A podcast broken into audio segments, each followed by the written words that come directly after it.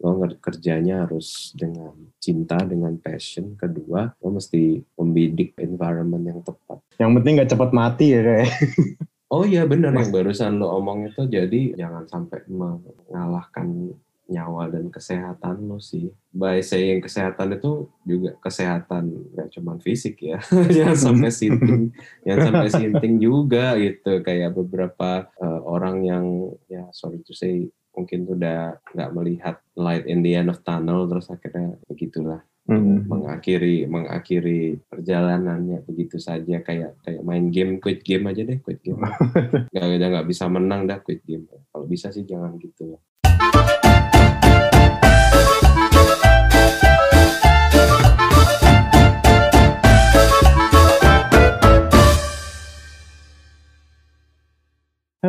welcome back to Jubs Talk, sesi di mana gue uh, wawancara kenalan-kenalan gue yang udah bekerja di uh, industri kreatif. Nah, setelah hiatus yang cukup lama ini, akhirnya kita kedatangan seorang tamu.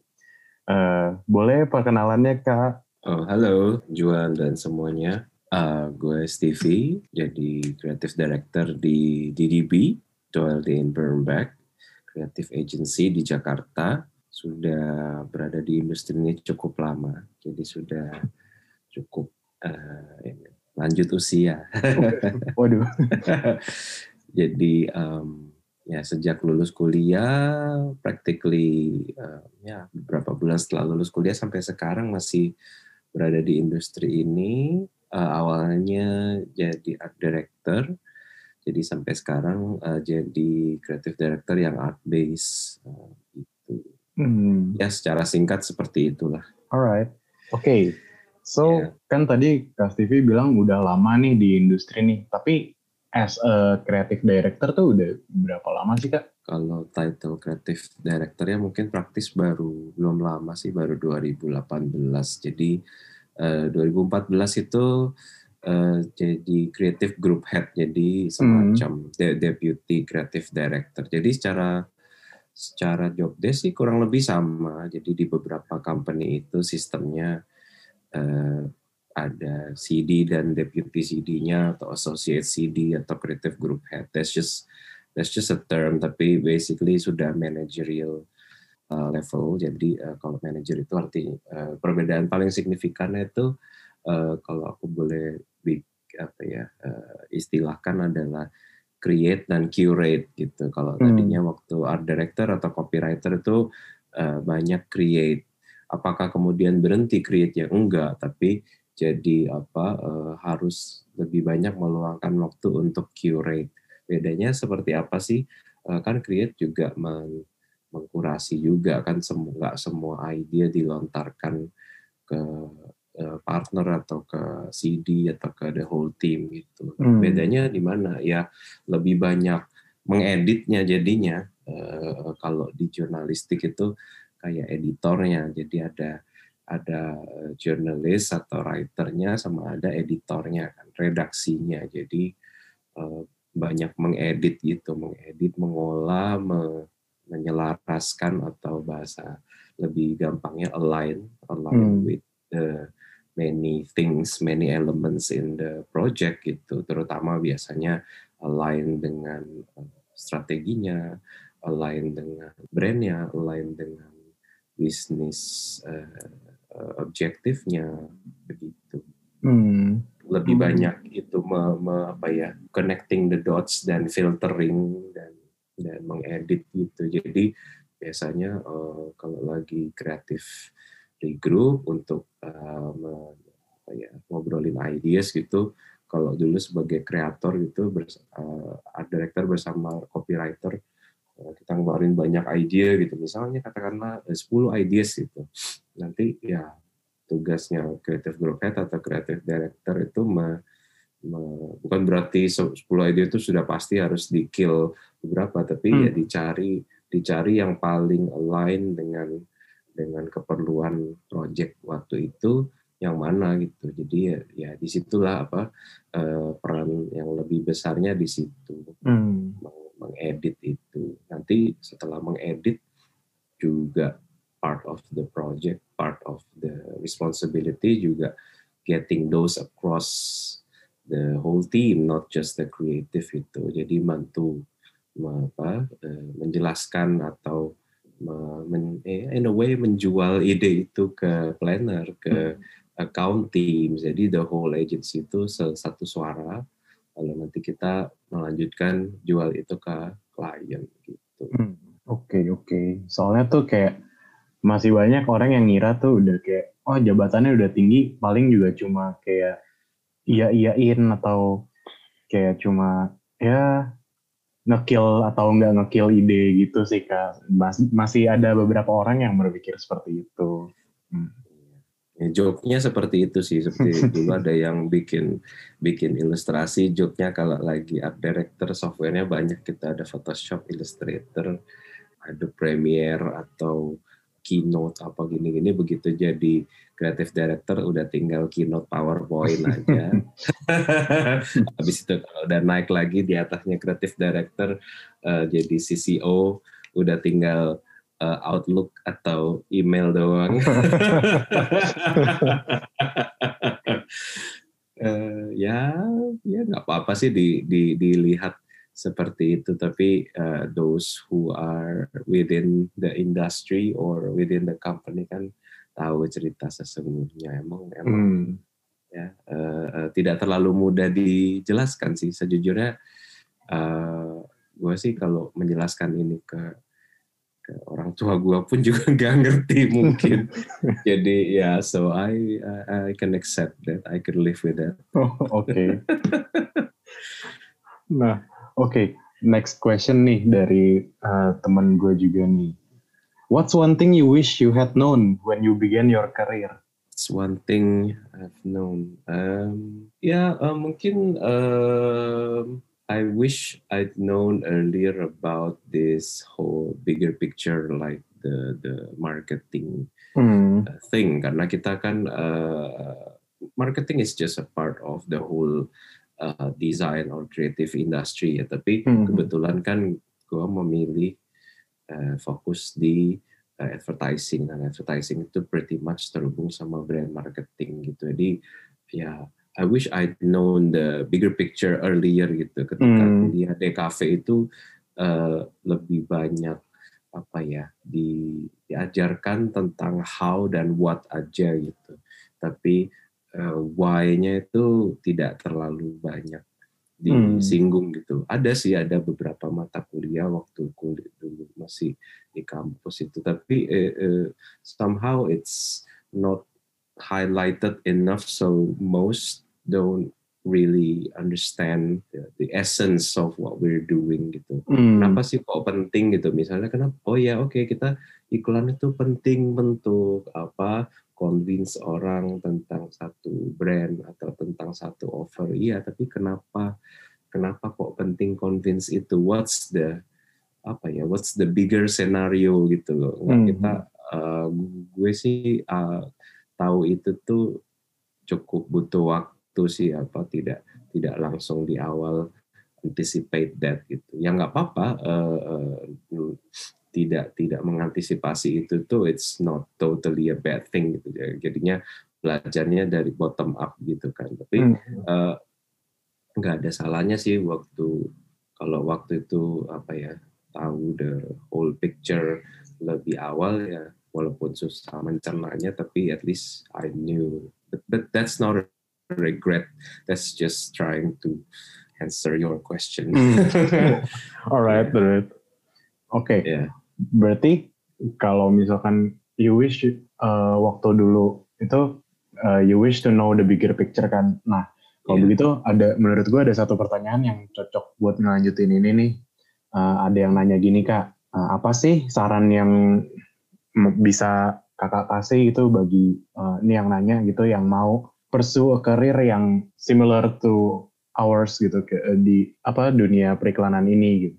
Hmm, ini sih apa penting untuk mengerti apa ya the power of perception sih. Jadi selama ini kan mungkin secara secara singkatnya dibahas oh iya positioning itu semua brand harus punya positioning harus punya diferensiasi dari brand yang lain. Oke itu kan kon, kon konteksnya hanya dalam hal kompetisi gitu. Ya kan kompetisi who are you gitu apa uh, bedanya apa lebih unggulnya di mana kurangnya di mana. Itu kan konteksnya cuma kompetisi tapi lebih besar dari itu tuh persepsi itu ternyata apa ya bisa membentuk banyak hal gitu. Dan ada ternyata ada ada nilainya. Uh, baik secara apa ya kalau memang lihat sebagai aset bisnis gitu persepsi terhadap sebuah brand itu ada nilainya gitu. Tapi hmm. kalau kalau bigger than brand itu persepsi dari sesuatu itu ada ada ada nilai ada nilai yang not just uh, financial value gitu tapi ada ada ada nilainya gitu oh begitu toh jadi apa part of it is how to make an idea manifested atau jadi real hmm. gitu tadinya idea itu cuman gagasan aja kan oh, hmm. gitu. tapi tapi ternyata ketika di dijadikan apa itu sebuah persepsi atau sebuah kepercayaan atau atau satu apa itu pedoman atau atau eh, sesuatu yang non physical tapi tapi berasa real gitu. Jadinya jadinya ada ada value-nya. Anything you do proses kreatif atau apa tuh untuk memperjuangkan value itu. Soalnya ketika ketika si si, si value itu atau persepsi itu nggak uh, seperti itu maka akan akan bisa buyar semua gitu kan. Hmm. Ada ada tujuan kenapa bikin bikin seperti itu gitu dan ketika kita berkreasi itu uh, ketika kita tahu tujuan besarnya itu ketika kita tahu visi misinya itu jadinya ya kita lebih lebih termotivasi apa uh, dalam berkreasinya itu nggak cuman apa ya hal-hal teknis kayak oh uh, simply soal has been done atau original atau being being creative, being uh, out of the box tapi semuanya itu terdorong dari ya lo harus memperjuangkan ini soalnya kalau enggak hmm. kalau enggak ini nanti uh, if you don't try hard enough then ya yeah, it will fail and it won't be good for the thing that you're you're fighting for. Hmm perjalanan menjadi kreatif director kan nggak nggak sebentar gitu ya. Selama bertahun-tahun itu eh, kira-kira apa sih kayak hmm. your your biggest failure and apa yang bisa Trans TV pelajarin dari itu itu karena kayak ya gue bukannya mau menjatuhkan generasi bawah ya tapi ya, bisa mulai dari generasi gue pun kayak makin lama makin lembek gitu sih menurut gue kak. Jadi kayak ya how did you deal with that gitu? Ya mengalami ini sih beberapa failure sih. Uh, sebelum kreatif director itu pernah sekali apa ya tidak menjalin hubungan yang baik sama klien. Di satu sisi oke okay, kita emang kadang mempertahankan sebuah ide menahan supaya ide itu nggak terreduksi along the way gitu kita ngotot kan yel hmm. persisten gitu tapi kalau pas ketemu sama Eh, lawan bicara yang tidak tidak apa ya tidak appreciate itu ya akhirnya jadi jadi berantem gitu hmm. berantemnya bukan berantem gebuk-gebukan ya hmm. tapi maksudnya jadi jadi apa irreconcilable differences itu ya, hmm. ya karena karena apa eh, misalnya irreconcilable differences itu terjadi sama klien ya kliennya bisa minta lo di depak gitu dari tim uh, jadi dulu pas pas pas jadi ada director pernah sekali kejadian kayak gitu klien hmm. nggak suka terus minta diganti terus akhirnya gue ganti brand gitu nggak megang klien itu lagi gitu uh, efektif immediately gitu. terus uh, nggak lama setelah ya sudah pindah company uh, pun uh, malah ter, pernah menyaksikan bukan gue ngalamin sendiri tapi gue pernah menyaksikan ada yang sudah level CD kelas kliennya nggak mau hmm. minta ganti CD ya ya bisa terjadi sih seperti itu. Is that a is that a failure? Probably but is that the biggest failure? Ya yeah, not not sure sih. Some some people bounce back from that kind of situation. Mm -hmm. ya buktinya gue juga ya akhirnya bertahun-tahun kemudian ini apa menemukan banyak peluang baru yang tidak tidak lebih buruk dari yang gue kehilangan waktu itu gitu. Mm-hmm. Cuman ya masih bisa terjadi lagi sih atau kalaupun nggak terjadi lagi ya simply nggak nggak apa nggak bisa klik banget sama klien yang lo handle akhirnya jadi ya, ya hubungannya biasa-biasa aja profesional hmm. aja tapi tidak tidak berlanjut jadi uh, teman diskusi yang dekat gitu terus apa um, nggak nggak diikuti biasanya kan kalau lo sudah jadi apa ya sudah blend in sama kliennya gitu lo pindah pindah kerja gitu kadang-kadang brandnya masih men, men, ini, mencari lo gitu ya, oh. ya, uh, ya cukup banyak juga yang nggak nggak sampai yeah. mencari gitu jadi hubungannya biasa-biasa aja gitu. hmm. tapi ada juga yang ya deket gitu sampai udah nggak kerja bareng gitu ditawarin eh mau ikut ini nggak mau diundang pitching gitu ya bisa juga uh, pernah juga terjadi kayak gitu hmm. jadi ya sometimes you sometimes you win sometimes you don't ya it's okay gitu hmm. um, terlepas dari soal uh, hubungan dengan klien mungkin uh, some uh, one thing that I consider maybe not total failure but weakness atau atau kekurangan selama sejak jadi creative group head sampai CD saat ini adalah dari tujuh tahun ini mungkin yang gue beneran punya tim yang firm banget itu hmm.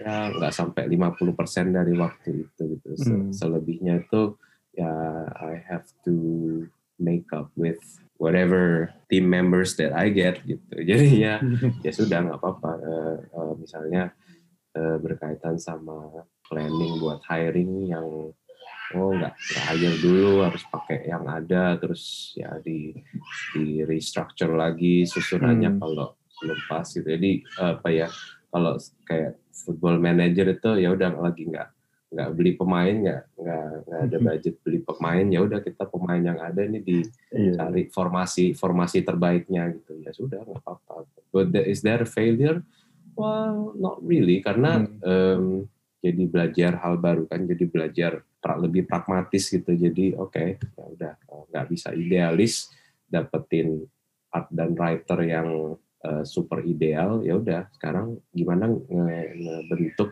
yang ada ini untuk seoptimal mungkin. Mm-hmm. ya uh, that's that's that's one thing sih. Cuman cuman um, yang lebih challenging itu sebetulnya bukan cuman dapet soal skill itu bisa dilatih soal skill pengalaman itu bisa dilatih yang lebih susah tuh nyari attitude yang pas sih kadang-kadang oh. ada yang ada yang oh ya udah udah cukup experience belum senior banget ya cukup experience mm -hmm. gitu oh desainnya tapi belum matang-matang banget gitu tapi di push eh, di push dikasih arahan nggak mau udah cukup berada di comfort zone yang enggak gue udah hmm. udah gue udah handle brand ini duluan daripada lu kok lu datang ya gue apa emang sebagai uh, manajernya. Tapi gue lebih lama di sini I know the brand better and they're they're they're fine with this approach. So we don't have to change. Oh ya sudah. Hmm. ya eh, kalau bertemu seperti itu ya paling gue tinggal bagi bagi-bagi aja apa uh, pick pick pick the battles gitu. Misalnya ada hmm. berapa project adalah certain project ya udah lo kerjain kayak gitu aja. Emang mungkin project itu potensinya tidak mau dipush kayak gimana juga nggak akan nggak akan jadi jauh lebih baik. Sementara yang project yang lebih potensial ya ya tetap gua push. Lo nggak mau ya lo yang minggir. Paling gitu sih. Iya ya iya. belajar lebih pragmatis dan bukan compromise quality ya tapi how how to make how to make it work gitu. Soalnya kalau hmm. mau kencang-kencangan juga nanti nggak konstruktif for the whole team and the whole agency. Jadi hmm. mesti disiasatin. But again, uh, is there a failure? Um, ya, yeah, some part mungkin karena gue kan jadinya men-sacrifice beberapa peluang kan. Hmm. Tapi ya, ya is is there a total failure? Nggak juga. I, I get to learn to adapt gitu. Jadinya ya mungkin itu yang membuat gue kayak in a way cukup cukup bisa beradaptasi dengan ber, berbagai macam kondisi gitu.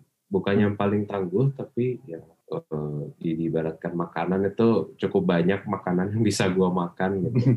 Oke, okay, gue oke okay, gue misalnya gue nggak makan cumi, gue nggak makan gulai otak, gue nggak makan kepala ikan, ya nggak apa nggak apa-apa ada ada beberapa hal yang gue udah nggak apa totally no dengan apa pun apa pun kondisinya gue nggak tapi cukup banyak makanan yang masih biasa gue makan sih Hmm. nggak pas nggak pas ah gue cuma bisa makan eh, daging sapi atau gue cuma bisa makan ikan gue nggak bisa makan ya enggak sih cukup banyak yang bisa gue masukin Hmm. That's good.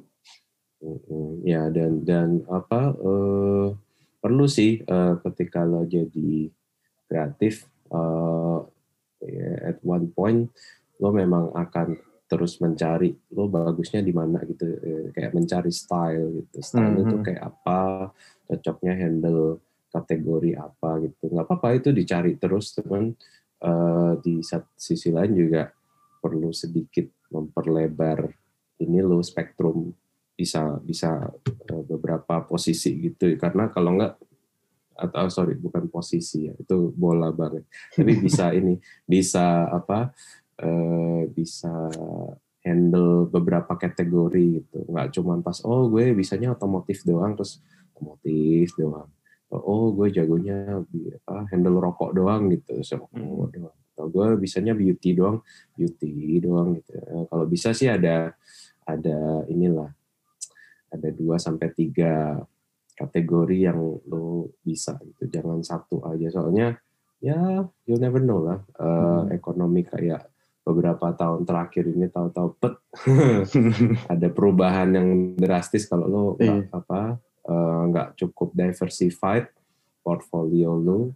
Ini bukan portfolio secara kerjaan doang ya tapi Mhm. eh, see yourself see yourself as a brand or or as a company. Kalau lo nggak cukup diversified nggak punya dua tiga jurus jurus lo cuma satu begitu kategori itu napa-napa ya kelar lo bisa gone gitu misalnya sekarang gitu spesialis rokok gitu rokok eh, kategori rokok lagi nggak bagus gitu ya lo bisa gone gitu. After hearing your ini ya stories gitu ya kak ya. Menurut pandangan beberapa teman-teman gua nih, bekerja di bidang advertising itu adalah sebuah apa ya lumayan horor gitu bagi mereka ya. Karena kayak eh, stereotipnya bagi mereka adalah eh, bekerja di agen agensi itu nggak ada kehidupan gitu nggak bisa nggak bisa ngapa-ngapain gitu. Kayak wah dapat apa pacaran aja susah gitu. Apa weekend kemakan waktu kerja gitu. Tapi eh, menurut gua I think you're the right person untuk mematahkan stereotip itu sih. mematahkan yang bisa gue cerita sih dari pengalaman gue ya Eh, ini mungkin belum tentu jadi tolak ukur industri memang eh, banyak sih yang mengalami problem seperti itu Hmm, Tapi kalau dari kacamata gue sih, uh, gue pernah berada di posisi yang uh, timnya ini seberat apa pun itu mereka firm believer untuk uh, apa ya uh, nggak nggak sampai berdarah-darah gitu. Even Hmm. Pitching pitching pun nggak sampai nggak tidur gitu. Ah, Pernah gue berada di di sistem yang seperti itu dan malah dan dan pitchingnya menang. Gitu. Sementara yang sementara ada yang uh, sistem yang wah kalau pitching sampai nggak tidur sampai nginep eh, sampai nggak pulang gitu Hmm, terus habis itu pitchingnya kalah pernah juga gitu pernah melihat dan pernah menyaksikan gitu oh pernah menyaksikan yang nggak nggak ikutan tapi tapi gue menyaksikan temen gue tuh nggak pulang bukan cuman semalam ya tapi du- dua malam atau tiga malam Hmm. untuk nginep di kantor. Kayak zombie kayak zombie. Kayak pas hari keberapa tuh kayak oh shit man. You look like a zombie. Eh, eh, mau mau mau apa nggak nggak nggak bisa ketawa kayak gini juga ngomongnya gitu. Hmm. udah udah tahap prihatin cuman ya eh, bingung juga eh, pada waktu itu masih art director gitu apa nggak nggak punya authority untuk menegur atau mengapain gitu. Hmm. ya ya cuman bisa bersimpati aja waktu menurut gue faktornya dua ya. Satu adalah faktor eh, gaya atau ini preference gitu. Hmm, kebetulan yang kebetulan yang generasinya segua atau di atas gua itu ada nggak semua tapi ada banyak yang kecenderungan kerjanya tuh kayak gitu digeber kayak Hmm. ya kemudian ya pada saat itu ya sudah orang-orang generasi itu sudah jadi bos-bosnya gitu. Ya jadi CD-nya jadi CD-nya gaya gayanya dia gitu nurun ke bawah-bawahnya. Jadi faktor pertama itu gaya. Oh. tapi gue ya gue menemuin juga ada uh, ini kok uh, orang kreatif atau CD atau ECD yang kerjanya nggak nggak gaya kayak gitu ada juga jadi pertama gaya kedua uh, kalau bicara beberapa tahun terakhir ini ya terutama mungkin di ketika gue jadi jadi grup head dan CD ini ya 5 hmm. sampai tujuh tahun terakhir ini memang kondisi industrinya uh, lagi pas uh, apa ya uh, transformasi lah mungkin bahasa yang paling netralnya itu transformasi. Hmm. Ada yang bilang disrupted tapi ada juga yang malah dapat peluang baru dari dari perubahan yang drastis ini. Jadi mungkin ya transformasi. Nah transformasi ini kan mungkin lebih mudah kalau lo uh, company-nya tuh nggak terlalu besar.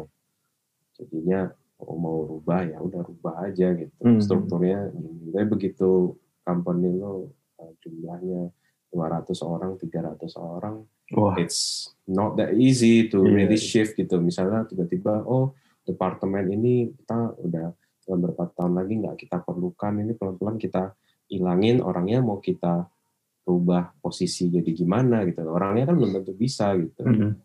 misalnya dari yang tadinya masih heavy cetak-cetakan gitu lo kan jadi eh, karena heavy cetakannya kan lo eh, punya spesialis yang cetakan gitu.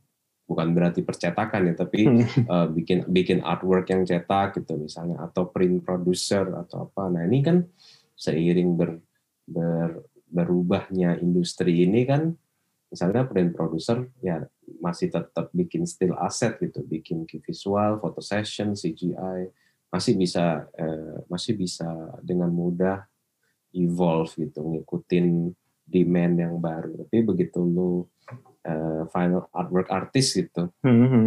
Kalau lo tidak apa ya mempelajari skill baru menjadi graphic designer, ya lo bisa gone sih.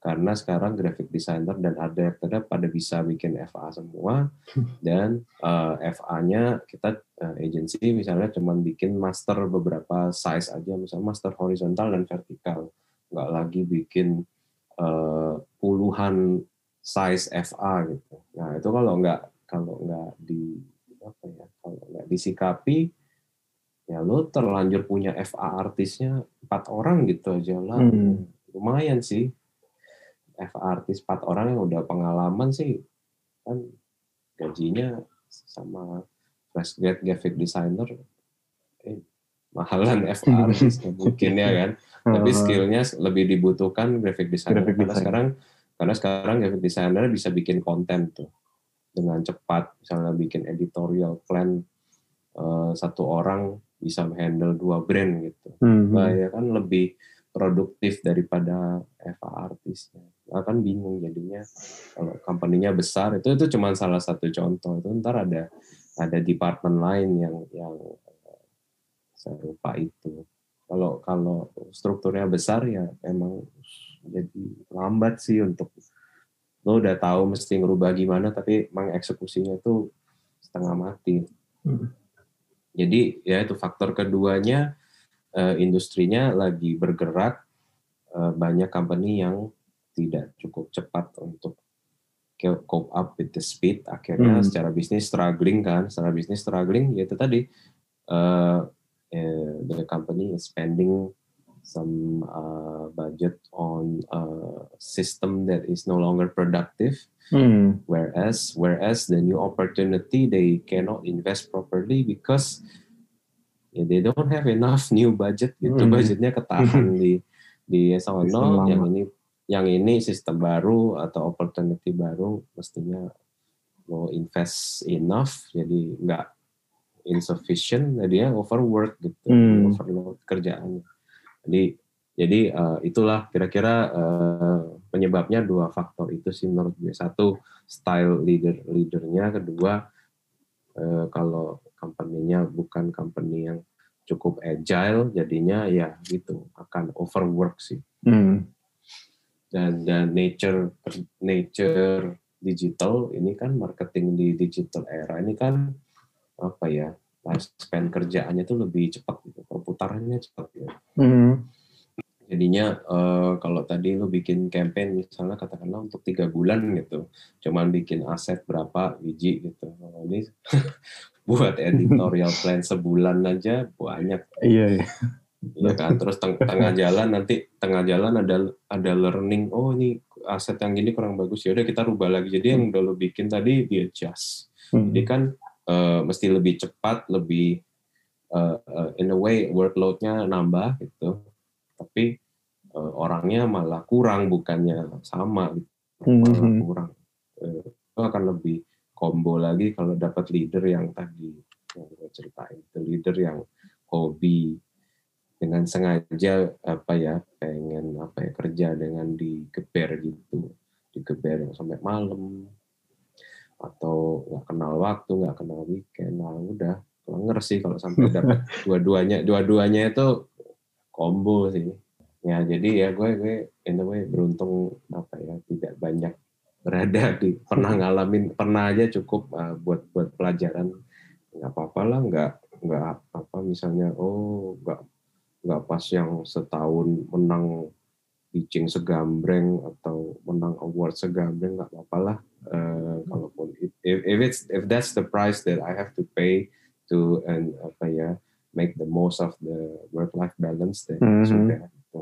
yang penting kan gue bukan males-malesan yeah. kan gue tetap nge-push ya kan gue kerja dengan passion nggak apa nggak ogah-ogahan cuman oh kliennya mau apa ya udah bikin gitu enggak kita tetap men-challenge tetap we do uh, we do our work properly and we keep uh, apa ya improving our craft. Tapi ya kalau kalau uh, kesempatannya atau tempatnya atau orang-orangnya terlalu mengganggu work life balance lo ya it's time to pack your time to pack your bags. Time.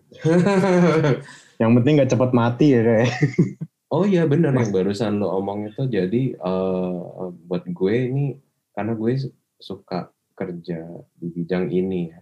Gue ngelihatnya sebagai maraton sih hmm. sebagai sprint. Jadi ya ini uh, I want to be here for as long as I want gitu. Sampai hmm. gue bosan gitu. Sampai tiba-tiba ntar mungkin siapa tahu berapa tahun lagi eh, lima sepuluh tahun lagi gue bosan ya sudah gitu nggak apa-apa gue tinggalin. Tapi uh, until then ya gue pengen uh, tetap bernafas.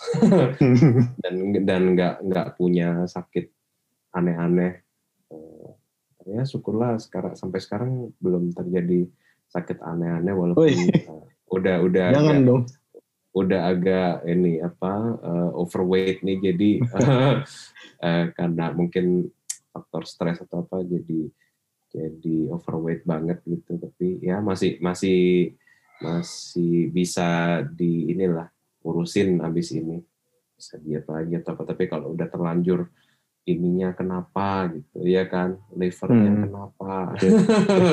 Waduh kan. Waduh. males. Iya kan? Males banget kan. Bagaimanapun kan lo mesti mesti sehat dan hidup untuk bisa bisa ini kan untuk bisa berkarya kan ya hmm. sehat, dan hidup dulu lah. Kalau sampai karyanya lebih penting daripada nyawanya sih waduh. kayaknya enggak sih. Ya, soalnya ini bukan, eh, soalnya nih ini uh, uh, kalau kalau kalau bidang yang lebih mulia nggak apa-apa. Ini bidangnya uh, uh, kreatif penting tapi ya yeah, we're, we're just trying to to sell something, right? uh, kayaknya nggak se nggak nggak sepadan. Nggak semulia itu sih. Iya, apa lo bukan dokter yang harus nyembuhin itu atau bukan hmm. apa ya prajurit yang harus harus apa menangin perang sehingga lo harus ngorbanin nyawa lo gitu. Ini ya di apa eh, penting tapi eh, ya, jangan sampai mengalahkan nyawa dan kesehatan lo sih. Dan dan ke, by by saying kesehatan itu juga kesehatan nggak cuma fisik ya. Jangan sampai sinting jangan sampai sinting juga gitu. Kayak beberapa uh, orang yang ya sorry to say mungkin udah nggak melihat apa light in the end of tunnel terus akhirnya ya udah. Begitulah hmm. mengakhiri mengakhiri perjalanannya begitu saja kayak and kayak ini aja kayak main game quit game aja deh quit game. Nggak udah nggak bisa menang dah quit game kalau bisa sih jangan gitu. Ya itu tadi lo you you have to apa ya take a step take a bit of step back and and re remind yourself why in the first place you want to go into this industry and do do this thing gitu. Mm -hmm kalau lo uh, ingat itu lagi dan lo akan bisa berpikir lebih jernih sih hopefully. Alright jadi ada satu lagi nih kayak ini sih terakhir sih. Kalau misalkan bisa dijabarkan dengan pakai satu kalimat nih perjalanan karir dari awal sampai bisa jadi creative director if you can sum it up to one uh, kalimat kira-kira apa nih yang bisa represent your hmm. experience gitu. Wow, satu kalimat ya. Hmm. Kayaknya nggak cukup ya kalau kalau di industri ini tuh ya satu kalimat tuh tugas yang sangat berat gitu. Mungkin gue coba dua tiga kalimat ya bukan satu baik, kalimat. Baik. Gue nggak akan gue nggak akan sepanjang panjangnya tapi at least mungkin dua tiga kalimat. Pertama sih lo mesti ini sih mesti cinta pekerjaan lo sih pertama. By saying cinta jadinya ya doing it with passion. Mm. not just doing it for other motive not not just doing it for the incentive itu bukan cuma imbalannya. Ya tadi satu you, you have to love it gitu. Ketika love ya udah ini kan melebihi batas rasional itu. Terus kedua uh, menurut gue sih kalimat keduanya ya you have to sell it you have to create and sell it to uh, to the right people ya. Mm-hmm. Jadi uh, penting juga uh, sadar bahwa lo ini teamwork, gak, nggak sendirian. At least kan teamworknya misalnya the whole creator is you, then you need a client or a brand or a institution to apa ya as as the the theme of your creation gitu kan. Jadinya ya mesti menjual ke orang yang tepat gitu. Kalau enggak ya sayang gitu. Uh, orang yang nggak suka steak lo tawarin steak ya sampai kapan pun iya. nggak akan makan steak gitu ya sudah gitu sayang jadi kalau lo apa uh, if you're not offering your ideas to the right people ya yeah, it will stay in your drawer sih it will not fly mm. Ya jadi paling dua kalimat itu sih. Satu lo kerjanya harus dengan dengan cinta dengan passion. Kedua lo mesti membidik ini yang tepat sih apa environment yang tepat.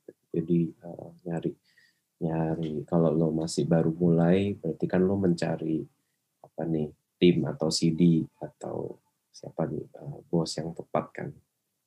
Bos yang tepat ya lo kasih ide-ide lo dia akan ini kan bisa menyikapi dengan benar. Ketika nanti lo sudah lebih mature, lo jadi CD-nya ya lo mesti mencari agency atau mencari klien yang tepat gitu. sehingga apa yang lo jual ke ke agency itu dan ke kliennya nggak banyak yang kebuang. Mm-hmm. Itu sih paling dua itu dua kalimat itu. Oke okay, Dan. Oke. Okay. Thank you so much for the time kak. Jadi sama-sama. Mm -mm. Nanti I'll let you know when the episode airs ya. Oke oke iya. Oke. Uh, so that's it for today. Uh, terima kasih sudah mendengarkan. Terima kasih juga Kak TV udah mau hadir di podcast yang masih sangat kecil ini. ya terima kasih juga sudah meluangkan waktu mendengarkan. I hope I'm not boring you. Enggak, enggak. Alright, alright. Iya. Yeah. Sampai bertemu di hari Senin, Kak. Iya, yeah, see you. See you. Thank you, Kak. Okay, good night everyone. Right. Yeah. Good night. Bye.